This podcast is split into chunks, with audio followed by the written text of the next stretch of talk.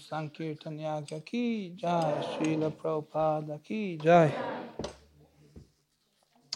Hare Krishna.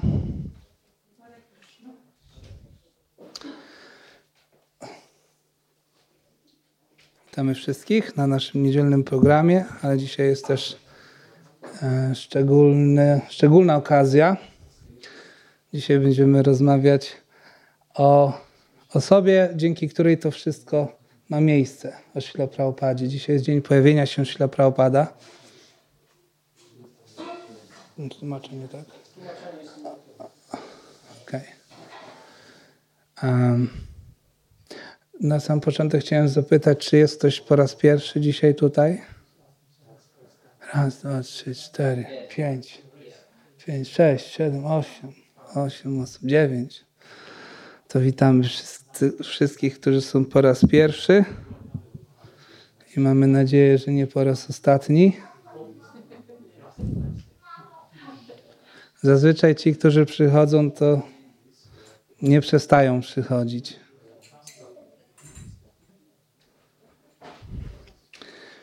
Om Namo Bhagavate Vasudevaya.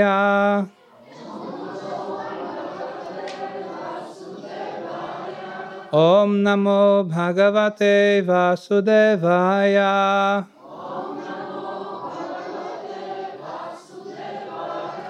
Om Namo Bhagavate Vasudevaya.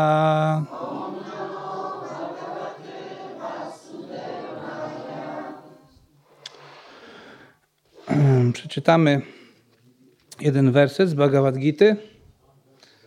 Bhagavad Gita to jest e, jedna z najważniejszych ksiąg, z których korzystamy na ścieżce duchowego rozwoju. Bhagavad Gita, samo słowo Bhagavad Gita znaczy pieśń Pana. Słowo Bhagavan znaczy Pan, najwyższy Pan, nie byle jaki Pan, najwyższy Pan. I Gita to jest pieśń. Powiedziane jest, że w świecie duchowym każde słowo jest śpiewem, dlatego kiedy Pan przemawia, to jest to pieśń. Przeczytamy werset 34 z rozdziału 4 pod tytułem Wiedza transcendentalna. Dla osób, które są tutaj po raz pierwszy, chciałbym na początek tylko powiedzieć, że Bhagavad Gita należy do pism wedyjskich. Pisma wedyjskie to znaczy, to słowo pochodzi od słowa Veda, które po polsku brzmi bardzo podobnie, znaczy wiedza. Weda to jest wiedza. Że to są pisma wiedzy. Nie należy mylić ich z pismami jakiejś konkretnej, szczególnej religii. Wiedza nie należy do żadnej religii. Wiedza jest czymś uniwersalnym i absolutnym.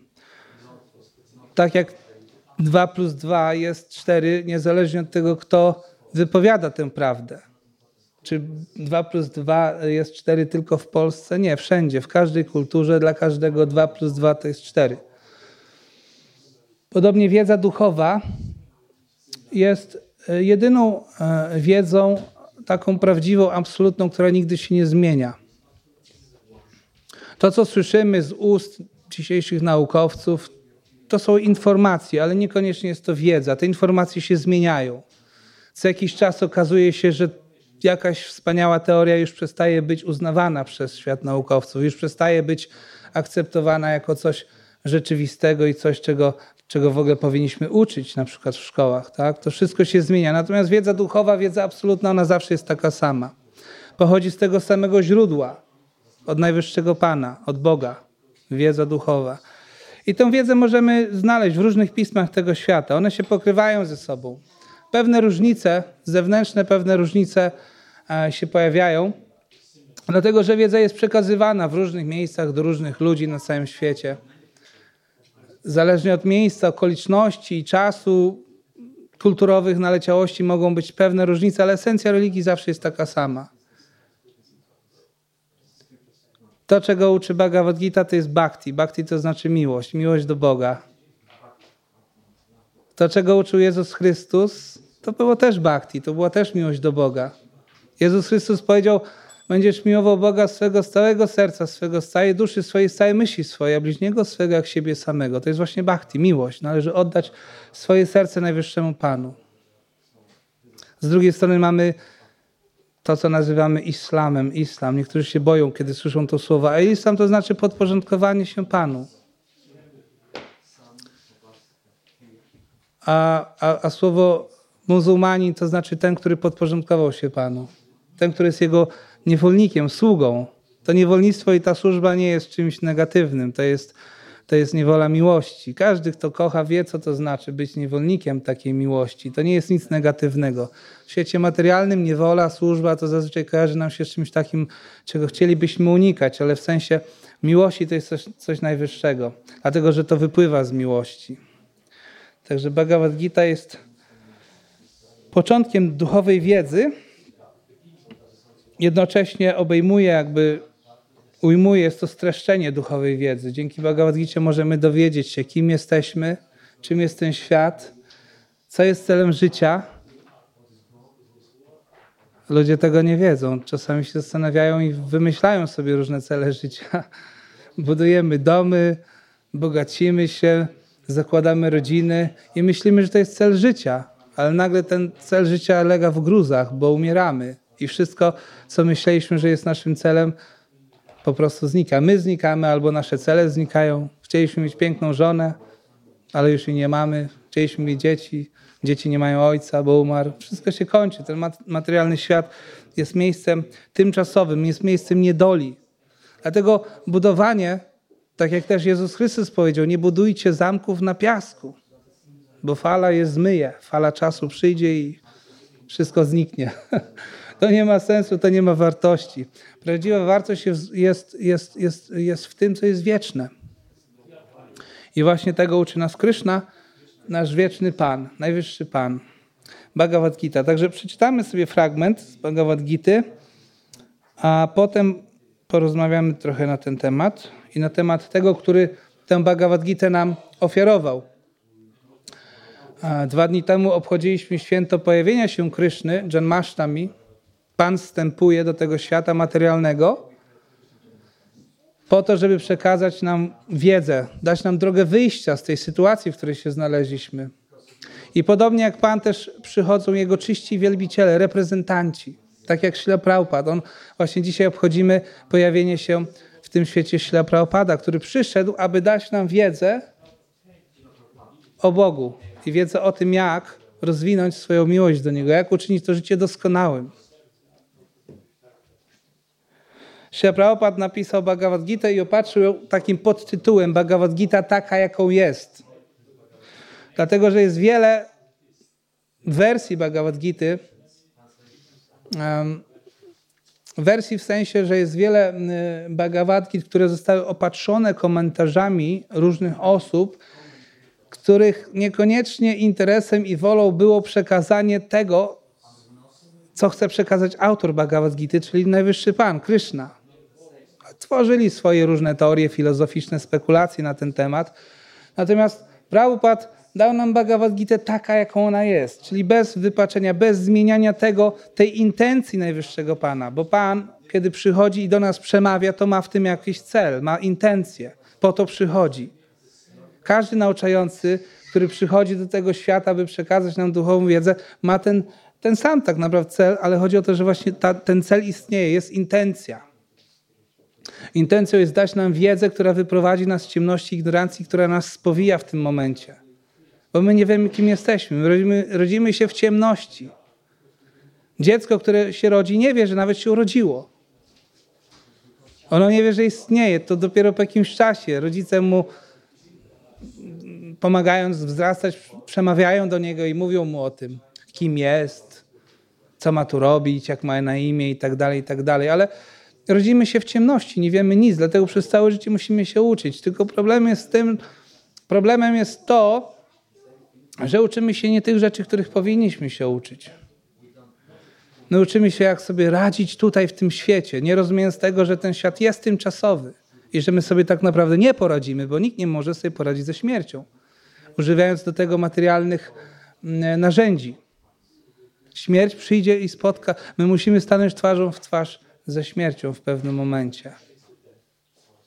Więc nie mając wiedzy i zrozumienia i narzędzia, jak, jak to zrobić, polegniemy w, te, w tym spotkaniu, staniemy się ofiarą śmierci.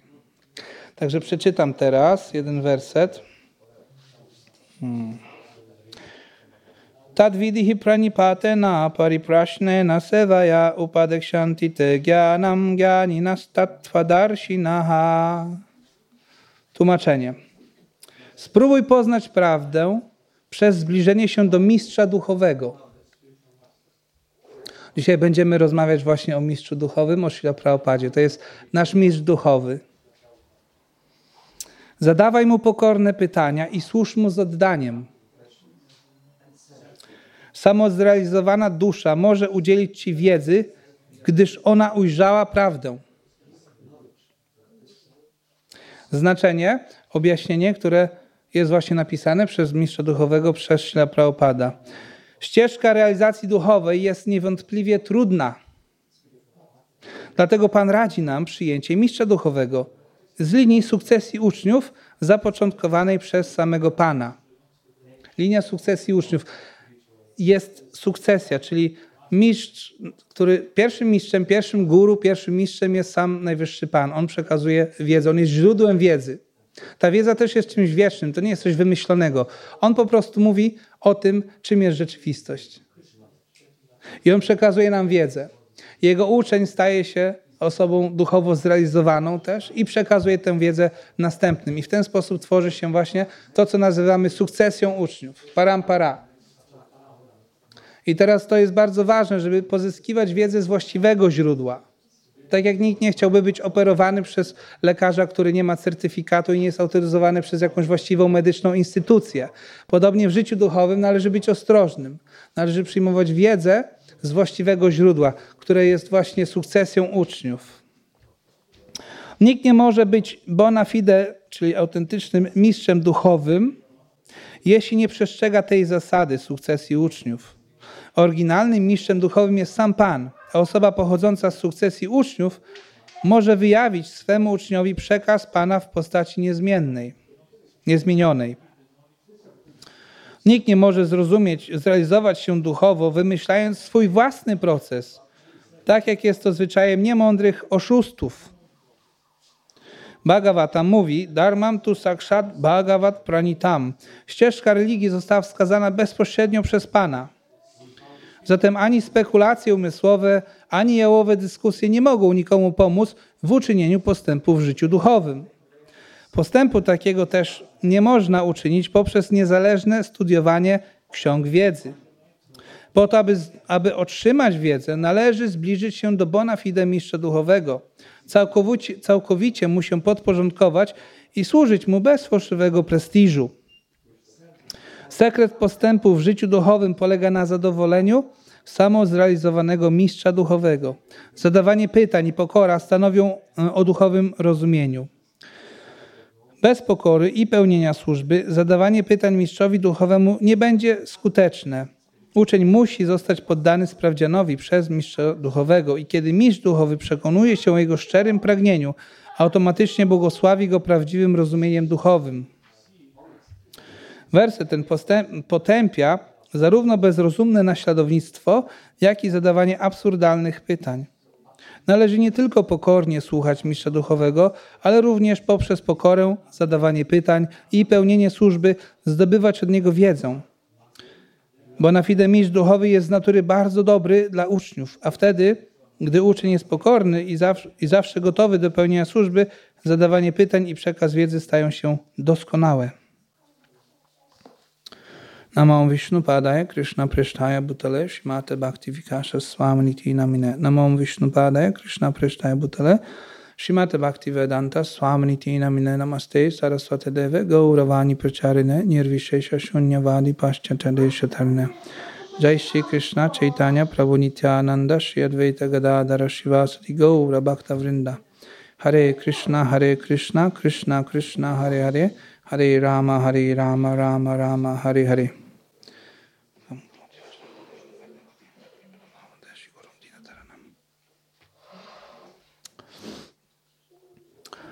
E, głównym wątkiem dzisiejszego wersetu jest to, że należy zbliżyć się do mistrza duchowego. Zbliżyć się do mistrza duchowego, służyć mu i pozyskiwać poprzez pokorną służbę, pozyskiwać od niego wiedzę. Gdybyśmy przeczytali e, słowa Bhagavad Gita jakieś 50 lat temu, moglibyśmy się zastanowić, gdzie jest ten mistrz duchowy, do którego mamy się zbliżyć. Dzisiaj wiemy, że mistrz duchowy zbliżył się do nas. Srila Prabhupada przyszedł do krajów zachodnich, z Indii, przybył w wieku lat 70. 70 lat to jest ciężki okres w życiu człowieka. Zazwyczaj już ciało się powoli zaczyna rozkładać. Pojawia się wiele problemów.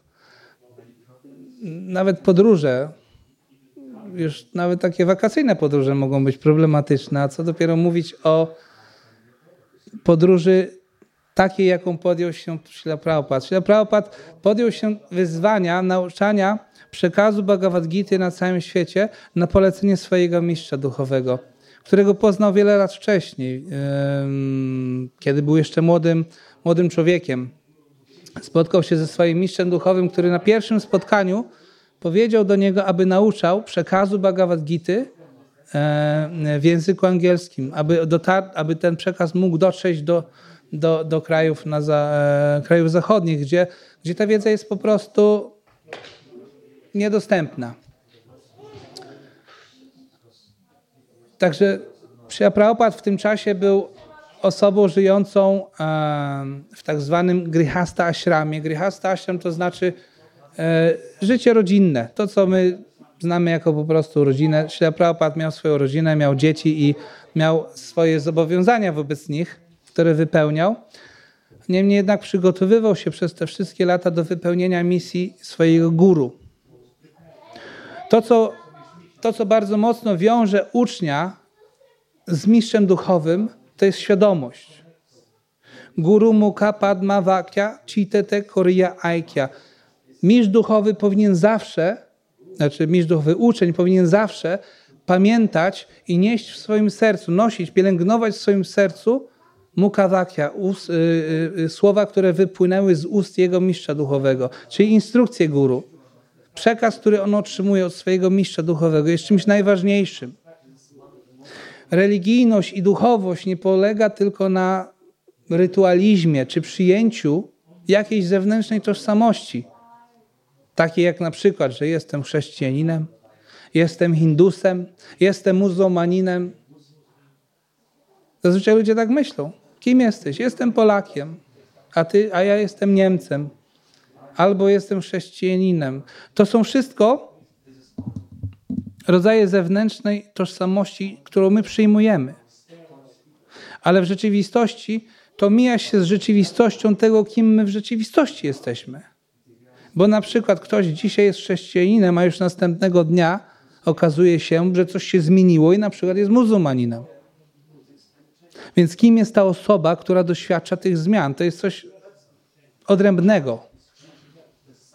Że rzeczywistość naszego jestestwa jest inna od tego, co my sobie ustalamy czy przyjmujemy. I to należy zrozumieć. I tego właśnie uczy mistrz duchowy. Pierwszą lekcją życia duchowego jest to, że my nie jesteśmy materialnym ciałem. Czyli tym, co normalnie myślimy, że jesteśmy. To, tym, co widzimy, tym, co pielęgnujemy, tym, czym się zajmujemy na co dzień. Stajemy przed lustrem rano, coś próbujemy zrobić, żeby trochę lepiej to wyglądało. A to nie jesteśmy my.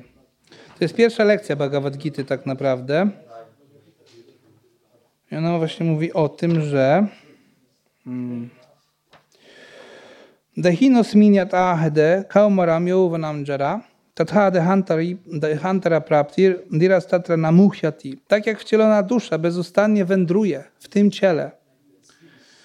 Od wieku chłopięcego poprzez młodość aż do starości. Podobnie przechodzi ona w inne ciało po śmierci. Zmiany takie nie zwodzą osoby zrównoważonej. Czyli jest pierwsza lekcja, że wewnątrz tego ciała jest dusza. I to dusza jest tym, co ożywia to ciało. To ciało jest jak pojazd. To jest jak samochód, który jedzie, ale wewnątrz jest kierowca, który nim, nim kieruje. Samochód przejawia pewne symptomy życia. Jest światło w jego deflektorach, porusza się, jest jakiś dźwięk, który wydaje, spaliny, tak jak my wydychamy, my mamy blask w oczach, poruszamy się, ale wewnątrz jest żywa istota, dusza. To, co nigdy się nie zmienia i to, co jest wieczne. To ciało nie jest wieczne, ono jest asad, tymczasowe. Więc to jest pierwsza lekcja życia duchowego i to jest to, to, czego my na Zachodzie nie wiedzieliśmy. My tego nie słyszeliśmy nigdzie. Prabhupada przyszedł i powiedział ludziom, że nie jesteś tym ciałem. Ten świat jest tymczasowy, to ciało jest tymczasowe, to życie jest tymczasowe, ale ty jesteś wieczny. I z tym się wiąże też, wiążą się pewne konsekwencje. Wieczność oznacza, że coś, coś, to, że jestem wieczny, coś znaczy. Między innymi to, że nie należymy do tego świata materialnego i nie czujemy się tu komfortowo. To jest tak jak ryba, która została wyjęta z wody. Woda i ryba są czymś nieodłącznym. One muszą ze sobą istnieć. Ryba musi istnieć w wodzie. Ona nie jest w stanie funkcjonować w świecie poza wodą. Moglibyśmy chcieć ofiarować tej rybie cokolwiek, ale to jest niekompatybilne z jej statusem, z tym, czym ona jest. Podobnie dusza doświadcza cierpienia w tym świecie materialnym, dlatego że świat materialny jest niekompatybilny z naturą duszy. No, ciało jest tymczasowe, a dusza jest wieczna. Sat, asat. Ciało jest w ignorancji, acit, a dusza jest pełna wiedzy. I to ciało też jest pełne bólu, cierpienia. A dusza z natury jest szczęśliwa, dlatego wszyscy szukamy szczęścia. Każdy chce być szczęśliwy. Co do tego nie ma, nie ma wątpliwości. Nikt się nie kłóci na ten temat, czy chcemy być szczęśliwi. Każdy chce być szczęśliwy. Problem tylko polega na tym, że nie rozumiemy, jak to szczęście osiągnąć i dlatego cierpimy. Większość ludzi myśli, że dużo pieniędzy to znaczy dużo szczęścia, ale większość bogatych ludzi nie jest szczęśliwa. Dlatego, że pomyli się. Szczęście nie płynie z pieniędzy. Szczęście płynie z rzeczywistości, którą my sami jesteśmy. Czym jest rzeczywistość? Aham brahmasmi, bycie duszą. To aham brahmasmi w Wedach oznacza ja jestem duszą. Zrozumienie tego zmienia nasze całe spojrzenie na całą rzeczywistość, na wszystko. A co więcej, Wedy mówią, że nie tylko to, że jestem duszą, ale jako dusza Jivera Swarupahai Krishna Ranitya Das. Jako dusza ja jestem wiecznym sługą Kryszny. Jestem wiecznie sługą Boga. Jestem Jego cząstką. Jestem nieodłączną cząstką. To jest tak jak śrubka, która jest częścią jakiejś wielkiej maszyny. Ona musi tam być. Ona ma swoje znaczenie i swój cel. Jeśli, tego, jeśli ta śrubka gdzieś tam odpada, ona musi tam wrócić, inaczej ona nie ma żadnego znaczenia. Jakie znaczenie ma jakaś leżąca na ziemi śrubka? Ona nie ma żadnego znaczenia, ale kiedy jest podłączona do części całego jakiegoś organizmu, jakiejś maszyny, to ona jest bardzo ważna, jest istotna, ma znaczenie, ma funkcję. Jest szczęśliwa. Szczęście duszy nigdy, nigdy nie wypłynie z, y, z czegokolwiek materialnego. Świat materialny to jest iluzja. Wszystko jest tymczasowe w tym świecie materialnym. Mamy małe dzieci, lubimy je, kochamy, ale dorastają, wychodzą z domu. A jak już z domu wyjdą, to my już wychodzimy z ciała. Bo skupiamy się na naszych dzieciach i zapominamy, że nam czas też leci. Także mistrz duchowy to, to jest właśnie osoba, która daje nam duchową wiedzę. I mistrz to jest osoba, która tę wiedzę ma już, on, on już w tym żyje, on w tym już jest. Śla Prabhupada jest bardzo szczególnym mistrzem duchowym, dlatego że to jest osoba, która mówi się o tym, że on stąpił i został napełniony wiedzą. Siakta weź awatar. Awatar to znaczy ten, który stępuje. Siakti to znaczy moc, a weź to znaczy bycie obdarzonym mocą. I teraz siakta weź awatar to jest ten, który stępuje i jest obdarzony mocą szerzenia i dawania świadomości Boga i, i, i, i zrozumienia rzeczywistości przez samego Boga. On jest upełnomocniony przez Boga. Tutaj e, możemy też przywołać słowa samego Jezusa Chrystusa, który powiedział, że cokolwiek czynię, nie swoją mocą czynię, ale tego, który mnie tu posłał. To jest dokładnie to samo. Siakta weź awatar. Osoba, która stąpiła, Jezus stąpił, pojawił się tutaj i był obdarzony mocą przez Boga. Nie był Bogiem. To jest jedna z pomyłek we współczesnej teologii chrześcijańskiej, która uznaje Jezusa za Boga. Jezus nigdy nie powiedział, że jest Bogiem. Cokolwiek czyni nie swoją mocą czyni, ale tego, który mnie poznał. Znacie mnie, ale nie znacie tego, który mnie posłał. Kto jest tym, kto posłał Jezusa Chrystusa? Z Kryszna, najwyższy Pan, który jest znany jako Kryszna, jest znany jako Allah. My nie chcemy się kłócić z żadnymi religiami. Co do nomenklatury, możemy, Bóg ma wiele imion. Wszystkie one opisują cechy Boga. Kryszna to znaczy wszechatrakcyjny. Nie ma nic bardziej atrakcyjnego niż sam najwyższy Pan. On wszelkie piękno, które, które dotyka naszych serc, to piękno płynie z Boga. W nim jest tego piękna dużo więcej. On jest tym najwyższym artystą.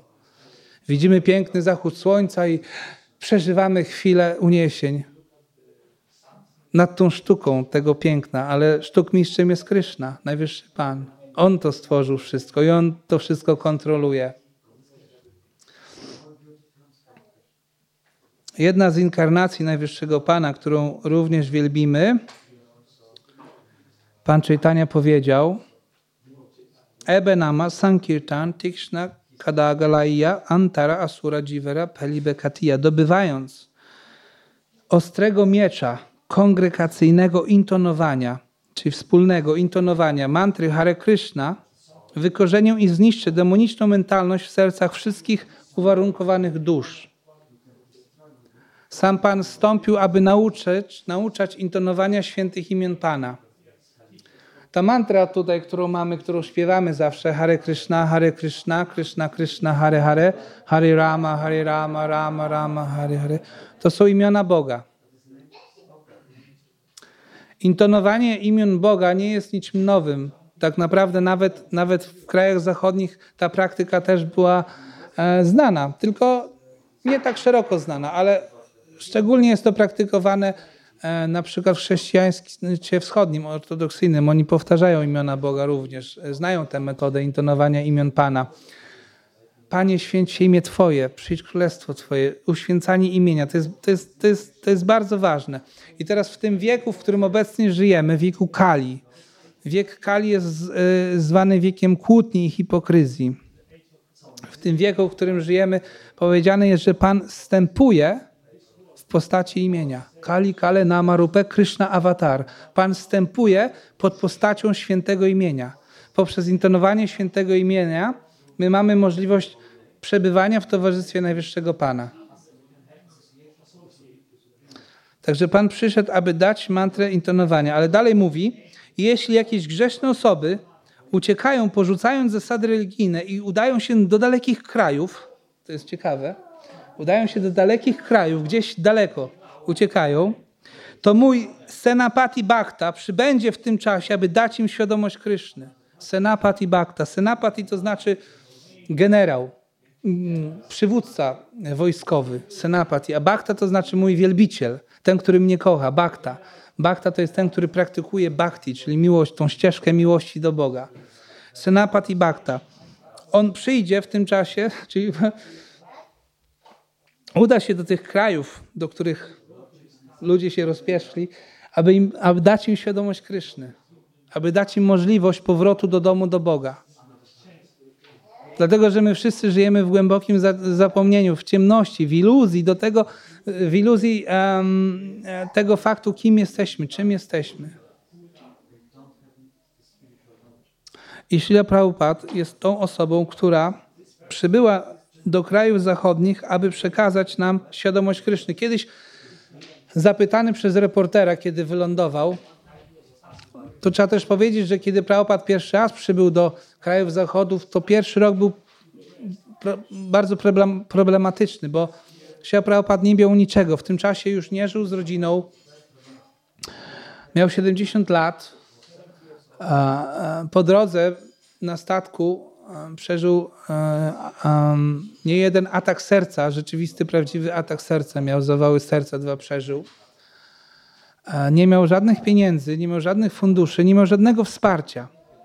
Bilety, które dostał na przepłynięcie oceanu, zostały mu ufundowane przez pewną osobę, do której zwracał się przez wiele, wiele miesięcy o to, aby pozwoliła mu przepłynąć e, do krajów zachodnich, ponieważ on ma misję przekazać ludziom wiedzę o Bogu. I ta osoba nie chciała mu tych biletów dać, mówiąc, że Swamidzi, jesteś już taki stary, przecież ty nawet nie przeżyjesz tej podróży przez ocean. Ale on nalegał, w końcu otrzymał te bilety. I w wieku 70 lat, kilkumiesięczna podróż przez ocean do Stanów Zjednoczonych, gdzie nie wiedział tak naprawdę, co ze sobą zrobić. Nie miał, nie miał nic. Miał tylko polecenie swojego mistrza duchowego. Miał misję przekazania ludziom świadomości Kryszny, świadomości Boga, którą rozpoczął poprzez siedzenie w parku i śpiewanie. Hare Krishna, Hare Krishna, Krishna Krishna, Hare Hare, Hare Rama, Hare Rama, Rama Rama, Hare Hare. Trzy godziny dziennie, codziennie w parku, pod drzewem. Dzisiaj jest takie drzewo, w Ameryce można je odwiedzić, właśnie w tym parku. Ono nazywa się drzewo Hare Krishna. Takie nazwali, dlatego że tam tam się wszystko zaczęło. Tam się Prabhupada siedział codziennie i śpiewał przez trzy godziny mantrę Hare Krishna. I ludzie powoli zaczęli przychodzić i przyglądać się temu osobliwemu człowiekowi, który wyglądał inaczej, ponieważ był inaczej ubrany, miał tilak, to co my mamy tutaj na czole to jest tilak. Tilak to jest też taka rzecz, która na zachodzie wydaje się czymś strasznie dziwnym. Bardziej dziwnym niż tatuaże, nie? Ludzie mają tatuaże, okej, okay, ale to, co, co to jest na tym twoim nosie? Ale to, ten tilak oznacza, że to ciało jest świątynią ducha. Ono należy do Boga, a ja jestem Jego sługą. I my nakładamy codziennie w kilkunastu miejscach na ciele taki tilak po to, żeby pamiętać o tym. A nakładając tilak wypowiadamy też mantry, imiona Boga. Także Śla Prabhupada jest tą osobą, która właśnie przybyła na zachód, żeby dać świadomość Kryszny. Pierwszy rok był bardzo trudny, ale potem powoli zaczęło wszystko się rozwijać. Ludzie zaczęli przychodzić i Śla Prabhupada E, e, w tym czasie cały czas pisał książki, zajmował się nowymi swoimi zwolennikami, uczniami, e, nauczał bezustannie. Jednego, także podróżował w ciągu następnych 10 lat Ślaprapad okrążył Ziemię 14 razy, odwiedzał wszystkie kraje, ustanawiał w nich świadomość Kryszny, otwierał świątynie. W ciągu 10 lat, które jeszcze przeżył, otworzył ponad 100 świątyń i ośrodków świadomości Kryszny na całym świecie. Inicjował tysiące uczniów, napisał kilkadziesiąt tomów objaśnień do pism wedyjskich, tej wielkości też, kilkadziesiąt tomów. Dał setki, tysiące wykładów, napisał tysiące listów w odpowiedzi do swoich uczniów. E, też są takie trzy wielkie księgi samych listów zapisanych. Wygłosił tysiące wykładów, tysiące rozmów, one wszystkie są nagrane na szczęście dla nas, tak wiemy, jak w Biblii słów, jak mało jest tak naprawdę słów Jezusa, ale możemy zrozumieć, że to nie były wszystkie słowa, które Jezus wypowiedział, bo Jezus też chodził i nauczał, cały czas dawał wykłady swoim uczniom. Także tylko nie mieliśmy tego szczęścia, że w tym czasie nie było jeszcze tej współczesnej technologii, która pozwoliła zapisać tą wiedzę. Śla nagrywał od samego początku swoje wykłady, swoje rozmowy, także dzisiaj są one dla nas wciąż dostępne i możemy z tego korzystać słuchanie słów przekazu świętego, czystego wielbiciela Pana to jest coś, co jest drogą do wyzwolenia. Dźwięk ma olbrzymią moc. To też jest w Biblii powiedziane. Na samym początku było słowo, a słowo było u Boga i Bogiem było słowo. I Wedy mówią o tym samym, że dźwięk ma olbrzymią moc. Dlatego słowa guru, słowa mistrza mają olbrzymią moc zmieniania serca. I te słowa działają na nas, nawet kiedy one są po prostu zapisane w księgach. Kiedy je czytamy, wszystko się zmienia. Srila Prabhupada kiedyś wylądował w swoich podróżach, to była chyba Wielka Brytania albo Ameryka, nie pamiętam. I został, został zapytany przez reportera, Swamici, po co tutaj przyjechałeś? Przyjechałem po to, aby wam przypomnieć o tym, o czym zapomnieliście, o Bogu. Wielka Brytania, tak? Tak, Wielka Brytania. Prabhupada przyjechał, aby przypomnieć nam o Bogu.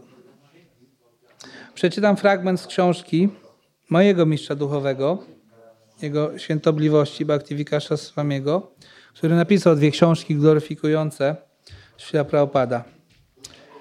Tak pisze. Jak nie można zapomnieć o Krysznie, tak również jest jego wielbicielem. Jego charakter i czynności są tak wzniosłe, że są wciąż omawiane. Nawet po setkach tysięcy lat przez innych, którzy czerpią inspiracji z osobowości czystego wielbiciela. Tak jak wielcy wielbiciele, tacy jak Prachlat Maharaj i Pritu Maharaj, zawsze będą pamiętani. Tak również Srila Prabhupada. Nie tylko przez kilkaset, czy nawet kilka tysięcy lat, ale tak długo, jak istnieje wszechświat. Srila Prabhupada zwykł mawiać, że nie wystarczy stwierdzić, że Bóg jest wielki. Trzeba wiedzieć, w jaki sposób jest wielki. W ten sposób dochodzimy do głębszego docenienia Jego chwały. Podobnie, jeśli zbadamy elementy wielkości Śla Prabhupady, nasze zrozumienie Jego unikalnych cech z pewnością zostanie wzmocnione. Sri Chaitanya Charitamrita Śla Krishnadas Kaviraj Goswami mówi, że jeśli rozważymy miłosierdzie Pana, Chaitani, nasze serca zostaną porażone zdumieniem. W ten sam sposób, jeśli zbadamy cechy i osiągnięcia Śla Prabhupady, nie możemy nie być zdumieni. Wielką osobę rozpoznaje się po jego cechach, wielkich cechach. Największą osobą jest, jest Kryszna, który posiada nieograniczone transcendentalne cechy. Czyste wielbicielki Kryszny są również ozdobione wspaniałymi cechami, które wyraźnie odróżniają je nawet od największych uwarunkowanych dusz tego świata. Wielu ludzi reklamuje się jako, wiel, e, jako wielkimi, ale wielkość Wajsznawy, Achari, Acharya znaczy nauczyciel, Wajsznawa to jest ten, kto jest wielbiciel, wielbicielem, ona stoi daleko ponad małostkową wielkością przyziemnych bohaterów. Jednak nawet w historii wajsznawizmu pozycja Śla Prabhupady jest wyjątkowa, gdyż dał on Krysznę milionom. To jest to, co jest najbardziej szczególne, jeśli chodzi o Śla Prabhupada, to jest to, że właśnie on wypełnił tą przepowiednię. Przepowiednię, która mówi o tym, że imię, święte imię Pana będzie intonowane w każdym mieście i każdym, e, każdej wiosce tego globu. W pismach jest taka przepowiednia, że święte imię Pana będzie intonowane, śpiewane w każdym mieście i każdym zakątku tego globu. I ludzie, którzy w tym czasie znali te przepowiednie, żyjąc w Indiach, wielbiciele Pana, oni nie rozumieli, że to jest coś, co dotyczy rzeczywiście całego świata. Oni myśleli, że to chodzi o Indię, że gdzieś tam powoli się to w Indiach rozprzestrzeni. Srila Prabhupada miał tę wiarę, że to rzeczywiście chodzi o cały świat. On otrzymał taką instrukcję od swojego mistrza duchowego, aby przekazać tę wiedzę całemu światu. I wyruszył w ten świat, w srogi świat, bez żadnego wsparcia w wieku 70 lat, aby przekazać tę duchową wiedzę i te święte imiona Pana. Mantrę Hare Krishna. Przed nim e, było kilka osób, które też wyjechały na zachód, ale w jakiś sposób nie dotarły do, do ludzi. Nie, nie było w jakiś sposób takiego odbioru. Jeden z braci duchowych Śla Prabhupada powiedział, że różnica pomiędzy tymi innymi próbami i próbą Śla Prabhupada była taka, że Śla Prabhupada miał absolutną wiarę w święte imię Pana. I dlatego to sprawiło, to jest właśnie to upełnomocnienie. Jeden z, jeden z braci duchowych Śla Prabhupada, bardzo słynny mm, brat duchowy Śla Prabhupada, Prabhupada Śla Shidar Swami, który był jednym z najbardziej uczonych uczniów Śla Bhaktisiddhanty Saraswatiego, wielkiego też mistrza duchowego w naszej linii sukcesji uczniów. On był jednym z najbardziej uczonych. Kiedy Bhaktisiddhanta dawał wykłady, to po wykładzie Shidar Swami objaśniał te wykłady innym, innym y, swoim braciom duchowym, dlatego że one były tak wzniosłe i tak trudne, że nie każdy był w stanie je zrozumieć. Shidar Swami je objaśniał, dlatego że on potrafił je zrozumieć i potrafił je natychmiast innym wyjaśnić. Także to była bardzo, bardzo niezwykła e, osoba uczona i przyjaciel też Srila Prabhupada. I on powiedział, on skomentował właśnie, że Srila Prabhupada to jest siakta weź awatar, czyli ten upełnomocniony wysłannik Najwyższego Pana.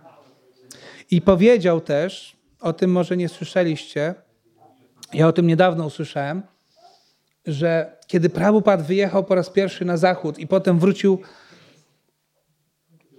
do Indii, to wówczas Sidra Swami powiedział, że wówczas zauważył, że Prabhupada jest inny.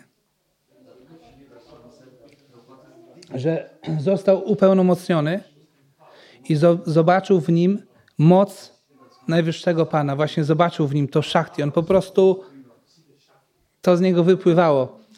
Kiedyś się zapytałem, e, później e, rozmawiałem z jednym e, wielbicielem na ten temat.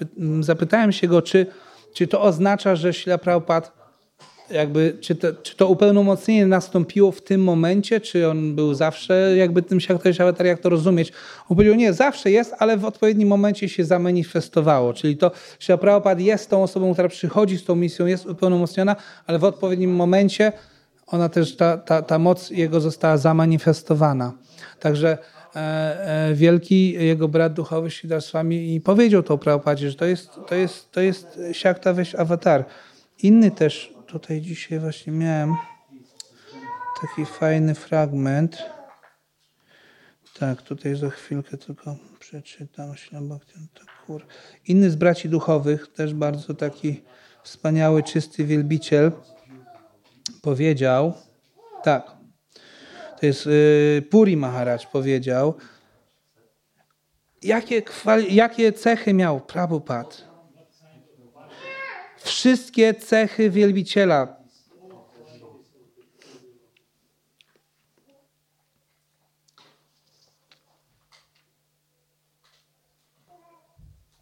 I możemy wiedzieć, powiedział, czy rozumieć Jego wielkość, y, y, zaledwie widząc Jego nauczanie.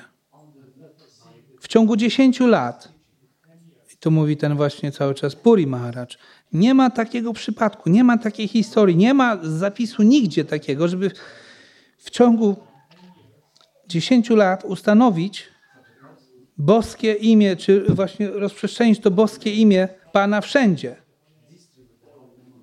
I to jest spełnienie tego, te, te, tego proroctwa Sri Mahaprabhu.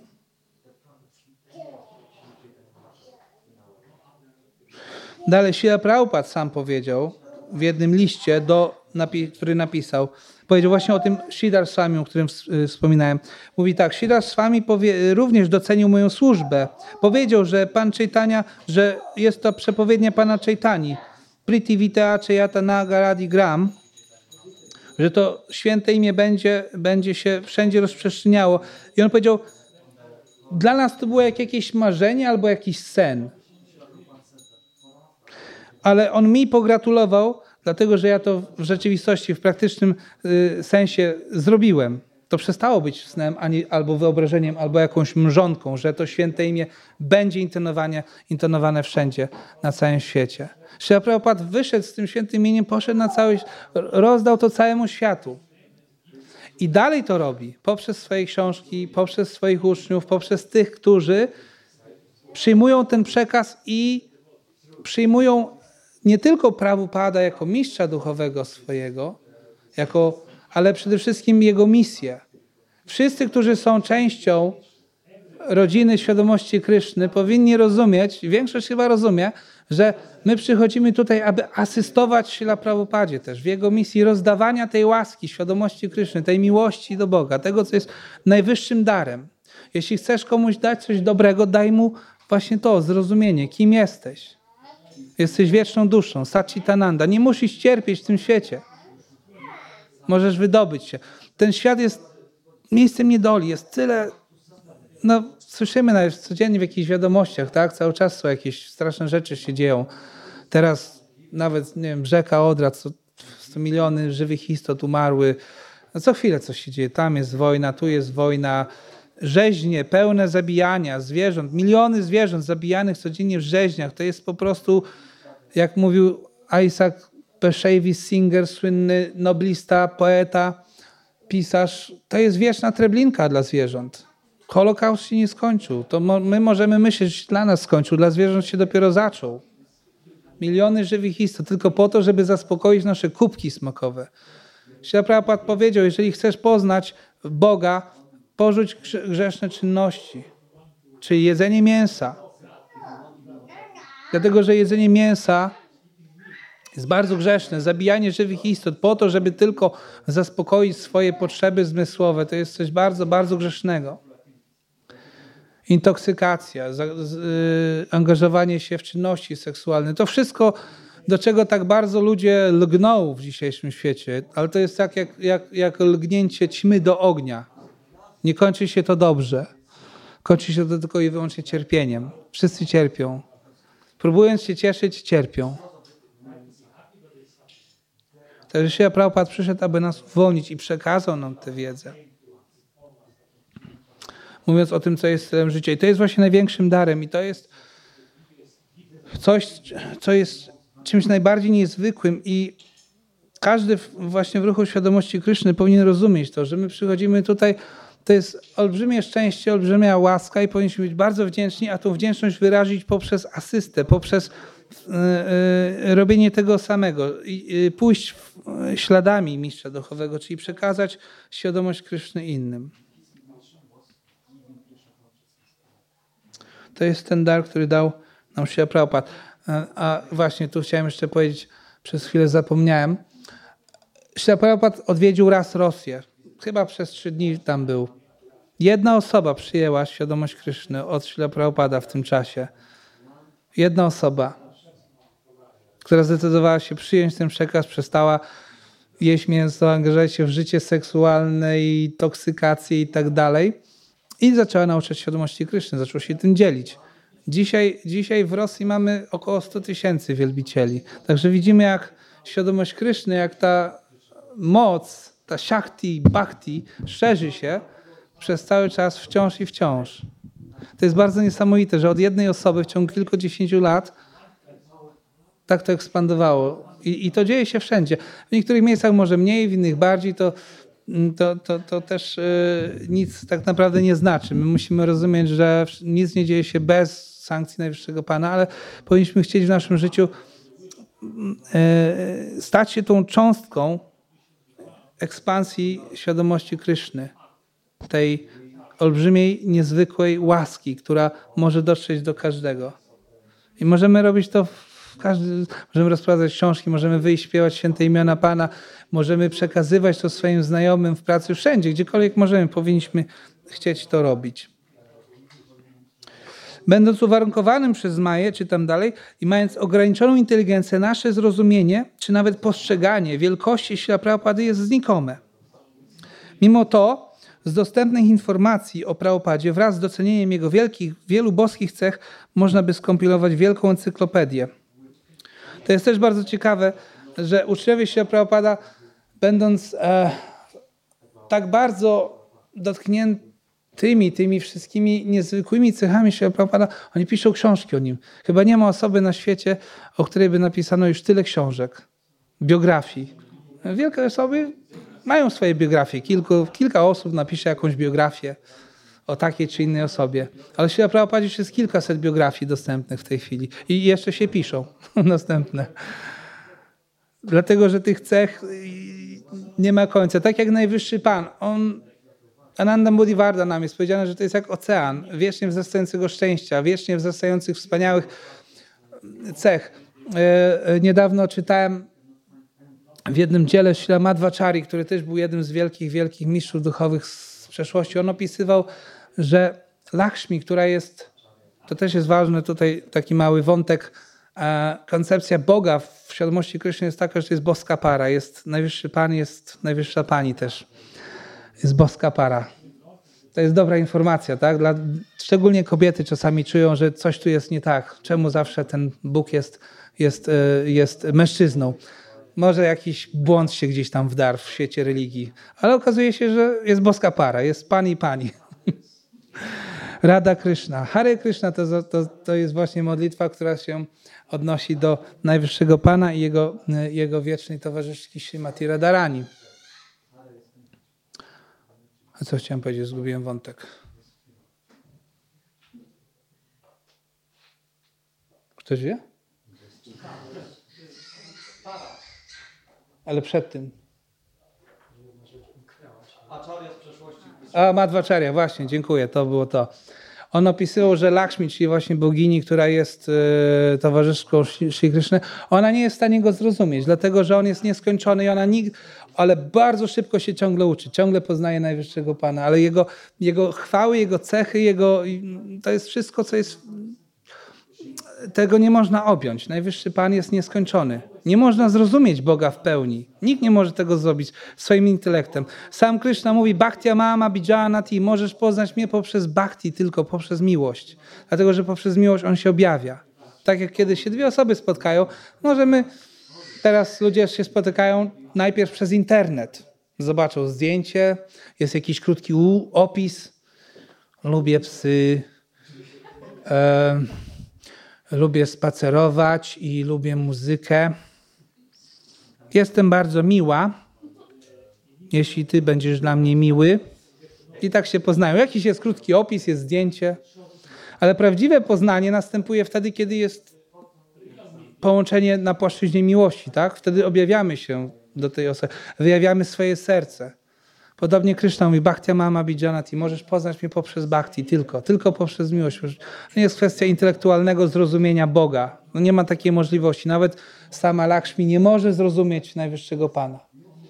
I podobnie jest z czystym wielbicielem, że tutaj właśnie dalej czytamy, Dałem tutaj jedynie mały wgląd w niektóre z najbardziej prominentnych cech Prabhupady, jednak mam nadzieję, że ten posmak może zwiększyć świadomość i miłość do niego.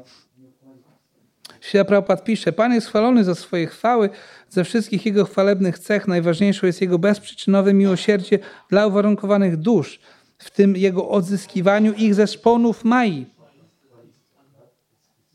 Kryszna jest bardzo łaskawy i miłosierny. On przychodzi po to, aby szerzyć swą dobroć wśród najbardziej upadłych. Pan czytania przychodzi. Rozdziela swoje miłosierdzie poprzez upełnomocnionych przedstawicieli. Dlatego każdy wielbiciel, który wszędzie głosi świadomość Kryszny, bez osobistych motywów, pracując niestrudzenie w Jego imieniu, aby podnieść uwarunkowane dusze, jest rozumiany jako reprezentant miłosierdzia Kryszny. I to jest właśnie Sila Prabhupada. Prabhupada był takim upełnomocnionym nosicielem miłości Boga. Tak jak choroba, choroba jest czymś negatywnym, ale to jest taki przykład. Choroba się szerzy, bo się zarażamy nią. Podobnie możemy się zarazić miłością e, do Kryszny. I tak naprawdę no wszyscy, którzy przychodzą do Kryszny ostatecznie są właśnie ofiarami tej e, zarażenia się miłością do Boga. W pozytywnym sensie ofiarami. Z każdym krokiem Śria Prabhupada oczyszczał ten świat z miliardów grzesznych reakcji. Jego każde spojrzenie i ruch był instrukcją. Każdy atom istoty Śria Prabhupada był naładowany energią Rady i Kryszny dla napełniania innych miłością do nich. Intensywna świadomość Kryszny Prabhupady, miłość do wszystkich żywych istot – Głębia osobowości i wszystkie inne transcendentalne cechy są w nim tak w pełni obecne, że im więcej o nich rozmawiamy, tym bardziej stajemy się ożywieni. Im bardziej stajemy się ożywieni, tym bardziej uświadamiamy sobie, że nie możemy dotrzeć do końca opisów cech Prabhupady, gdyż są one wspaniałe, nieskończone i nieograniczone. Sia Prabhupada jest najbardziej znany z tego, że rozpowszechnił świadomość Kryszy na całym świecie – w dzisiejszych czasach niemalże przyjmujemy za pewnik, że są wielbiciele w Ameryce, Rosji, Japonii, Afryce i wszędzie na świecie, ale nie zapominajmy, że zaledwie kilka lat temu było to niewyobrażalne, żeby osoba spoza Indii mogła ewentualnie przyjąć tradycyjną kulturę wedyjską wraz z takimi ograniczeniami jak nawet nie picie herbaty. To było niewyobrażalne, że Gaudia Vaishnavizm kiedykolwiek będzie czymś więcej niż sub, subsektem kulturowym ograniczonym do Bengalu, Orisy i Vrindavany. Dziś ruch Hare Krishna jest uznaną siłą religijną. Ludzie z Zachodu i inni spoza Indii intonują Hare Krishna i głoszą Bhagavad Gita z przekonaniem i entuzjazmem, rzadko spotykanym nawet u indyjskich Vaishnavów. Jak to jest możliwe? Kto jest odpowiedzialny za to wszystko? Kto? No tak, Srila Prabhupada. Ten mały, stary Swami, który wylądował na Boston Pier, nie wiedząc, czy skręcić w prawo, czy w lewo. On jest za to wszystko odpowiedzialny. Zaczynając od 40 rupi i kufra książek. 40 rupi miał ze sobą, kiedy przybył na zachód, których nie mógł nawet zamienić na dolary tutaj. Wartość było 7 dolarów, ale nie był w stanie tego nawet zamienić w tych czasach. Ale miał też kufer, kufer książek. Miał 600 sztuk swoich tłumaczeń i objaśnień do Shimad Bhagavatam. I worek ryżu, bo nie wiedział, czy, czy na zachodzie będzie ryż dostępny. W tych czasach nie było tak łatwo o informacje na internecie. Nie było jeszcze internetu. Także nie wiedział, co go tu spotka. Myślał, że może oni jedzą tylko mięso. Dobra, to jadę, biorę worek ryżu ze sobą, żeby coś mieć na początek, żeby jakoś przetrwać.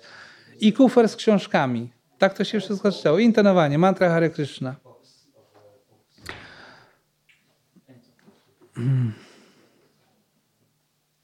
Od tego się to zaczęło. Także w ciągu, w ciągu kilkudziesięciu lat, odkąd Prabhupada przyszedł na zachód, bo Prabhupada przybył tutaj w roku 60, 65, 6, w 77 Srila Prabhupada opuścił już e, naszą materialną wizję, ale jest z nami w postaci książek i swoich instrukcji. Także to, to jest. Już chyba nie mamy dużo czasu, o której mamy kończyć. Kierowanie jeszcze trwa. Karuno, ile mamy czasu? Ale Krishna. Ten wykład mógłby trwać e, całe nasze życie. Tak, mam informację, że 10 minut, tak, Prabu? 10 minut. Także, dobra, ja przeczytam jeszcze mały fragment, bo ja mam tutaj parę stron tego materiału, ale chcę wam przeczytać jeden taki bardzo fajny, fajny krótki fragment jeszcze. Prabhupada oczarowywał wszystkich. To jest też fakt. Każdy, kto wchodził w kontakt ze Śrila Prabhupadem, był oczarowany jego duchowymi cechami, jego niezwykłością. Pewnego razu pewien wielbiciel, zachwycony wspaniałymi e, kontaktami Śrila Prabhupada z innymi, ze wszystkimi rodzajami ludzi, zauważył, mówiąc do Prabhupada, Prabhupada, wszyscy Cię kochają. Prabhupada odpowiedział, tak, ponieważ ja kocham wszystkich. Śrila Prabhupada kochał wszystkich. To jest coś bardzo ważnego. Śrila Prabhupada też mówił, że nauczający, jeżeli chcesz nauczać świadomości Kryszny, nauczający musi kochać ludzi. Musi kochać wszystkich rzeczywistych. Kiedy wychodzimy ze świadomością Kryszny, to powinniśmy wychodzić w nastroju miłości, dawania tego niezwykłego daru i rozumienia tego, że wszyscy są naszymi braćmi, czy siostrami, czy braćmi. Tak naprawdę w duchowym sensie to jest zupełnie inna kwestia. Wszyscy jesteśmy duchowymi cząstkami. Nikt nie jest lepszy, nikt nie jest gorszy. Jesteśmy tylko w różnych sytuacjach. Czasami możemy widzieć kogoś w nie najlepszej sytuacji, myśląc, że o, jakiś alkoholik, albo narkoman, albo ktoś je mięso i możemy czuć, nie powinniśmy czuć żadnych negatywnych uczuć. To są tylko sytuacje, w których teraz te osoby się znalazły, ale to są, to są, to są tak samo słudzy Kryszny. Wszyscy jesteśmy sługami Kryszny i powinniśmy chcieć tylko pomóc tej osobie, wydobyć się z tej sytuacji, w której ona teraz tkwi, bo jakiś czas temu sami przecież byliśmy w bardzo podobnej sytuacji. Sytuacji zapomnienia o Bogu, o tym, kim jesteśmy. Przypomnienie to jest kwestia zrozumienia, usłyszenia teorii, ale też to jest kwestia jeszcze duchowej praktyki. My nie, nie, nie, nie doświadczymy głębi tej rzeczywistości, e, o której słuchamy, bez praktyki. Także to, co jest procesem do urzeczywistnienia tej duchowej wiedzy o naszej tożsamości, czyli tego, że ja jestem duszą, sługą Kryszny, jest proces intonowania mantry. Hare Krishna, Hare Krishna, Krishna, Krishna, Hare Hare, Hare Rama, Hare Rama, Rama, Rama, Hare Hare. Jest powiedziane w Srimad Bhagavatam, e, jak to było? Kirtana Deva Krishna, Mukta Stangam Paran, Kali Yuga. Że Kali Yuga jest oceanem, Kaler dosha niderajan ashtihieko mahaguna kirtanateva krishnasya mukta sangam param wraczet. Jest powiedziane, że ten wiek Kali jest jak ocean złych cech, nieszczęścia, problemów. Ale jest jedna mahaguna, czyli jedna wspaniała cecha. Jedna wspaniała cecha tego czasu, w którym my żyjemy teraz. To jest to, że po prostu poprzez intonowanie, poprzez śpiewanie imion Pana, Hare Krishna, mantry Hare Krishna, imion Boga po prostu, poprzez intonowanie imion Boga możemy wyzwolić się z tej materialnej egzystencji i wrócić do, e, do świata duchowego. A to też może się dziać już tutaj teraz, bo to nie jest kwestia geograficznego przeniesienia się z jednego miejsca w inne. To jest kwestia przeniesienia się w naszej świadomości. To jest kwestia transformacji świadomości. A to się dzieje poprzez intonowanie mantry, poprzez intonowanie imion Boga, czyli słuchanie o Bogu, słuchaniu tych duchowych treści, zadawaniu pytań, podążaniu, e, przyjęcie schronienia w mistrzu duchowym, podążaniu ścieżką mistrza duchowego, wypełnianie jego instrukcji, Ale co to, jest, to, co jest najważniejsze, to jest właśnie intonowanie mantry Hare Krishna.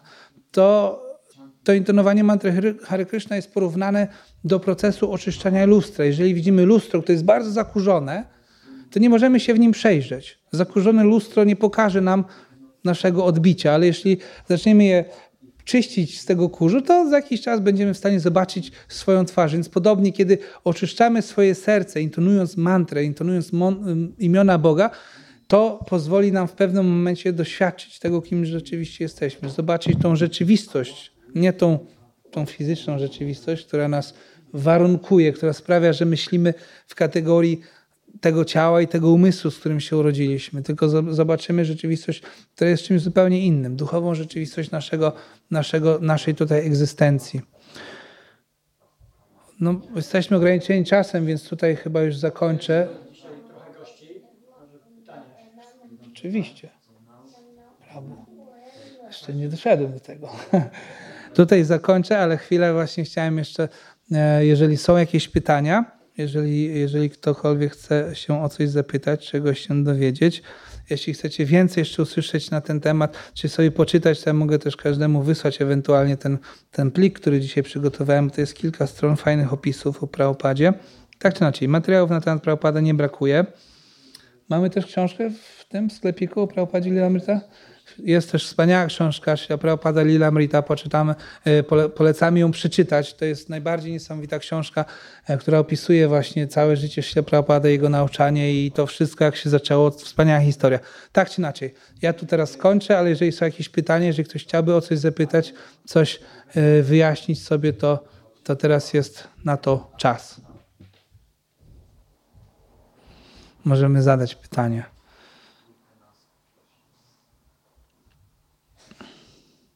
Jest taka jedna książka, Doskonałe pytania, doskonałe odpowiedzi. Też polecamy czytanie. Dużo pytań i dużo odpowiedzi. W moim życiu to się zaczęło właśnie od pytań, na które nie miałem odpowiedzi. Miałem dużo pytań, czytałem Biblię i zadawałem pytania moim księdzom z religii, ale oni nie byli w stanie mi odpowiedzieć na te pytania to, co jest niesamowite, że kiedy zacząłem czytać Bhagavad Gita, to otrzymałem również pytania, e, odpowiedzi na pytania dotyczące Biblii. Wszystko się wyjaśniło. Miałem dużo wątpliwości, pytań, a kiedy zacząłem czytać Bhagavad Gita i objaśniać się o Prabhupada, to wszystko się stało jasne. Ale inne pytania się też pojawiły i się ciągle pojawiają. Życie duchowe to jest e, rzecz dynamiczna. Możemy pytać, słuchać, odpowiadać, pogłębiać. I nie ma złych pytań. Wszystkie pytania są dobre. Można zadać jakiekolwiek.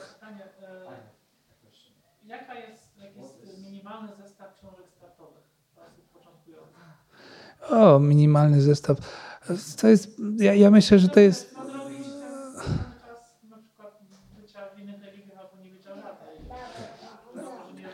Ja, ja okej. Okay. Na pewno Bhagavad Gita jest jedną z tych książek. Oprócz tego e, no ale to już jest, to już jest duża, duża rzecz, duża rzecz. Jak mówisz o początku, to, to trzeba, trzeba powiedzieć na pewno Bhagavad Gita, ale też jest książka Prawda i Piękno. To jest, to, e, w angielskim ta książka ma, ma trochę inny tytuł tak naprawdę. E, nauka o samorealizacji. I to jest bardzo fajna, wprowadzająca książka w świadomość Kryszny. Prawda i Piękno. Tam są różne tematy poruszone nawet dzisiaj miałem właśnie jeden fragment też przygotowany, e, właśnie z tej książki. Właśnie przeczytam, na sam koniec to jest fajna rzecz. Istnieje błędne przekonanie, że ruch świadomości Kryszny reprezentuje religię hinduistyczną. W rzeczywistości jednak świadomość Kryszny nie jest w żaden sposób wiarą czy religią, która dąży do pokonania innych wiar czy religii. Jest to raczej niezbędny ruch kulturowy dla całego społeczeństwa ludzkiego i nie uznaje żadnej szczególnej wiary sekciarskiej. Ten ruch kulturowy ma na celu przede wszystkim kształcenie ludzi w zakresie tego, jak mogą kochać Boga. To jest właśnie z tej książki e, Prawda i Piękno. Ten ruch nie jest ruchem hinduistycznym. Ktokolwiek dzisiaj tutaj przyszedł po raz pierwszy, proszę zapamiętajcie, to jest ruch miłości do Boga dla każdego człowieka, niezależnie od tego, w jakiej on jest religii. Kiedyś Prabhupada został zapytany nawet, która religia jest najlepsza? Co odpowiedział? Ktoś wie? Kto wie, jaka była odpowiedź? Która jest najlepsza religia? A? Tak. On powiedział, ta, która nauczy ciebie kochać Boga. Jeżeli pokochasz Boga, będąc chrześcijaninem, w porządku. Tylko kwestia, czy rzeczywiście kochasz Boga. Każdy może sobie odpowiedzieć na to pytanie. Słucham. No pytanko może nie jest bagabatity, ale Pisma Świętego, bo mówimy to dzisiaj też o różnych religiach. Jak wiemy 10 przykazań Bożych mówi nie zabijaj. No tak. Teraz nie wiem, czy z czego to wynika to zakłamanie u katolików, bo jednak jedzą mięso i dozwalają, oprócz tam postów jakichś. Yy, Czy to wynika z hipokryzji, z celowego złego tłumaczenia sobie tego przykazania, czy z innych powodów? Zawsze się na to nie znam odpowiedzi.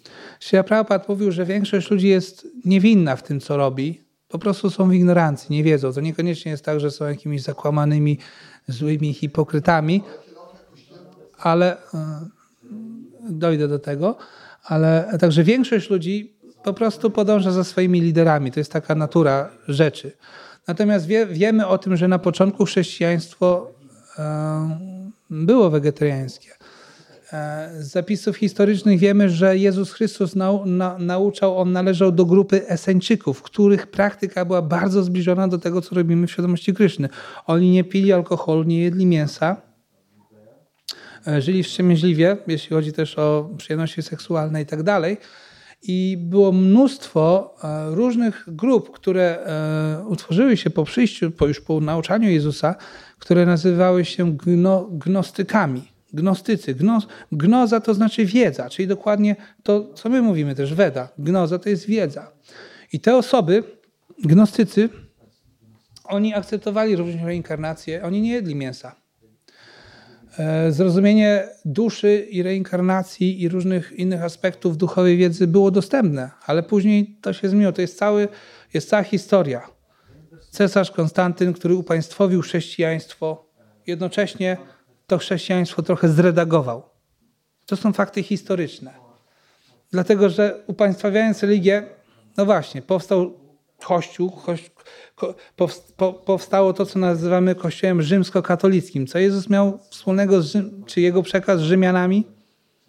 Można by się nad tym zastanowić, nie? Czy on coś, czy on coś mówił rzymskiego?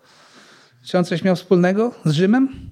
No chyba tylko to, że Rzym go ukrzyżował może, tak? Ale no nic więcej. Także Kościół rzymskokatolicki i tak dalej, to, to są już twory. Także historycznie uwarunkowało się, w jaki sposób ta wiedza ewoluowała. Kryszna też o tym mówi. Ta duchowa wiedza, ona czasami wymaga przypomnienia, odnowienia, dlatego że ludzie się degradują i zmieniają. Dlatego Kryszna sam o tym mówi, że on przychodzi regularnie albo wysyła swoich wielbicieli po to, żeby odnowić zasady religijne, bo one się zatracają. Do dzisiaj jeszcze istnieją e, właśnie gnostycy. Nie jest ich dużo, bo dlatego, że na mocy właśnie upaństwowienia chrześcijaństwa oni zostali po prostu zabici. Mieczem i ogniem zostali wytępieni gnostycy w imię Jezusa. Także ich niewielu zostało, ale, ale wiemy o tym z zapisów historycznych, że Jezus Chrystus e, należał do tej grupy właśnie też Eseńczyków, którzy przestrzegali. I teraz na, na łonie Kościoła są osoby, które e, rozumieją. Ja, ja, ja osobiście mam kontakt z pastorem chrześcijańskim, który jest wegetarianem, nie je mięsa i dyskutujemy też, na, na, omawiamy, co dalej z tym zrobić, bo, bo jest kwestia jeszcze tego, że oni niekoniecznie zawsze rozumieją to, że, że rzeczywiście Biblia uczy wegetarianizmu, ale jeśli spojrzymy na, na zapisy w Biblii samej, na samym początku już jest powiedziane, oto daję wam drzewo rodzące owoc, mające w sobie nasienie, niech to będzie dla was pokarmem. Księga Izajasza mówi, prorok Izajasz mówi o tym, że kiedy nadejdzie Królestwo Boże, a przecież modlimy się w Kościele też, że przyjdź Królestwo Twoje, jest powiedziane, że w tym Królestwie Bożym lew z owcą trawę jeść będą. I mówi tam również, w tej księdze Izajasza, wcześniej jeszcze mówi, o tym, że Pan mówi, że nie, nie ma upodobania serce moje w waszych ofiarach z tych baranów. Nie, nie, nienawidzi tego dusza moja. Nie wysłucham modlitw waszych, bowiem krew jest na waszych rękach.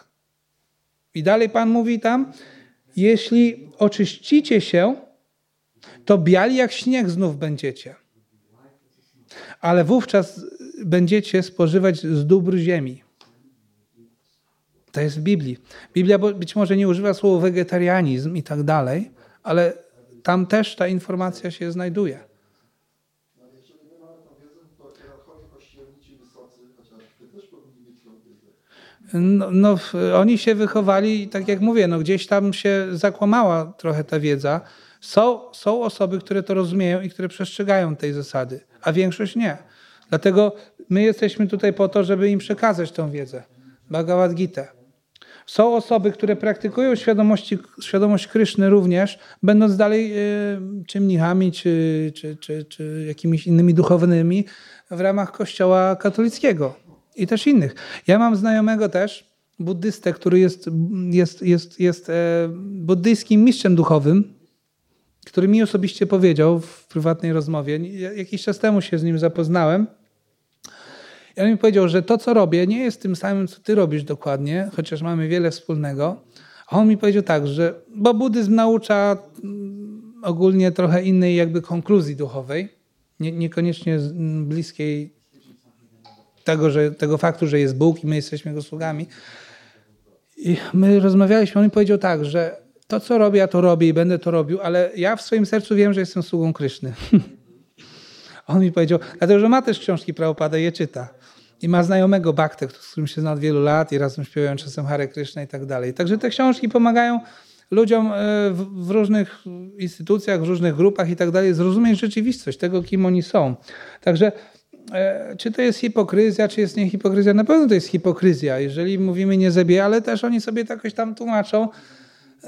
Dla nas to, co jest istotne, to jest, żebyśmy mogli w jakiś sposób spróbować dotrzeć do nich z tą wiedzą i przekazać im tą wiedzę, bo to jest możliwe. Po prostu siąść i spokojnie porozmawiać. A niektórzy nie chcą przyjąć tej wiedzy.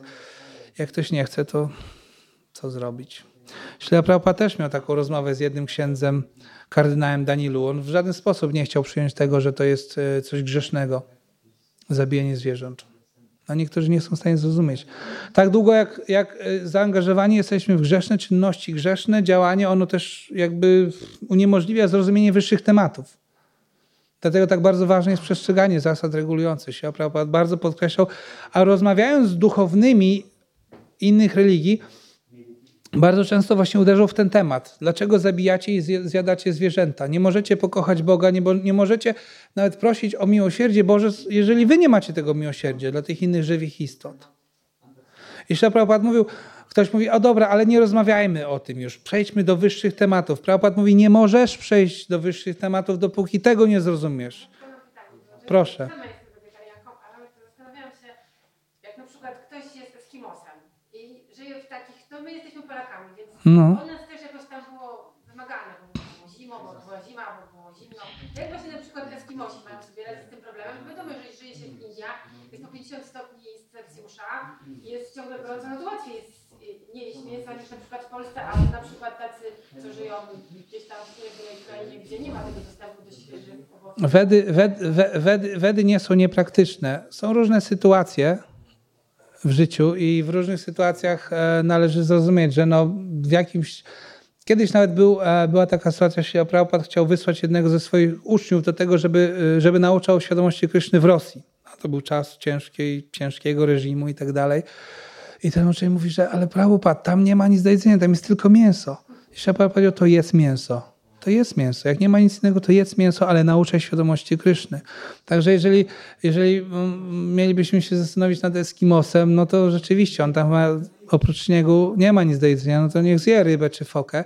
Ale my tutaj mówimy o, o procederze, który ma miejsce dzisiaj w świecie. Rzeźnie, gdzie, gdzie, gdzie jest mordowanie, zabijanie w okrutny sposób, bez potrzeby, bo, bo w dzisiejszym świecie mamy wystarczająco roślin i wszystkiego i tak dalej. Jest tak wiele wspaniałych produktów, które możemy używać w naszej kuchni bez potrzeby zabijania. Także w praktycznych różnych sytuacjach może być różnie, to jest inna kwestia, ale ogólnie w większości miejsc na świecie mamy wielką dostępność do mnogości produktów bez przemocy. Ale no, może już mają, y, więc mogą być wegetarianami. Tak czy inaczej, to jest, to, to jest odosobniony przypadek. To jest odosobniony przypadek, ale w większości sytuacji tego problemu nie ma. Na całym świecie mamy dostęp do wegetariańskich produktów. Kryszna, i, a też to, co jest ważne, to jest e, to, że pokarm, który nie jest ofiarowany Krysznie, nawet wegetariański też nie jest najlepszy. To, co jest ważne, to w procesie świadomości Kryszny my ofiarowujemy pokarm Bogu. Dlatego, że Kryszna o tym mówi, że cokolwiek spożywasz w tym świecie jest obarczone grzechem też. Dlatego, że nawet jak zrywamy jabłko, ale idąc do drzewa pod naszymi stopami giną mrówki i inne żywe istoty. Kiedy oramy pole, żeby uprawiać ryż czy, czy pszenicę, to też tam ży- żywe istoty giną. Także wegetarianie też nie są zwolnieni z odpowiedzialności za swoją dietę. To nie jest tak, że, że wegetarianizm rozwiązuje problemy życia. Świadomość Boga rozwiązuje problemy życia. I pokarm, który jest ofiarowany Bogu, Kryszna o tym mówi, to co ofiarujesz mnie jest wolne od grzesznych reakcji, ale to co jest nieofiarowane, to jest obarczone dalej też y, tym, co nas związuje w tym świecie, grzesznymi reakcjami. Dlatego, że my nie możemy uniknąć przemocy w tym świecie materialnym w żaden sposób. Nie jest to możliwe. My cały czas, żyjąc tutaj, my szkodzimy innym.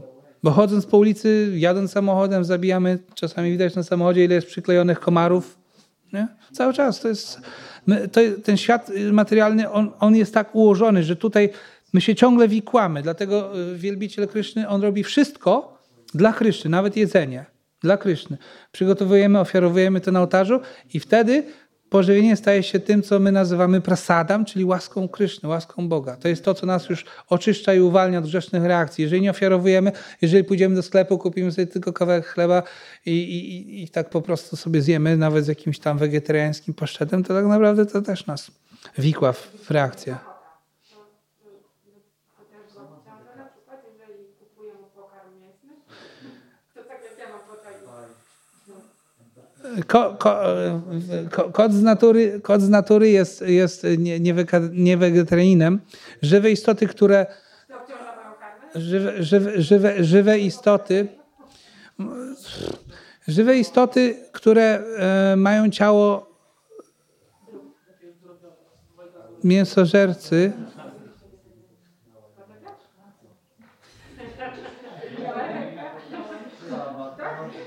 Tak bardziej właśnie. Zawsze myślałam, żeby łatwiej było zrobić Okej, po- dostałem sygnał, że już jest czas. Także dziękujemy wszystkim za uwagę. Hare Krishna, Srila Prabhupada ki jai, Shri Krishna Bhagavan ki jai.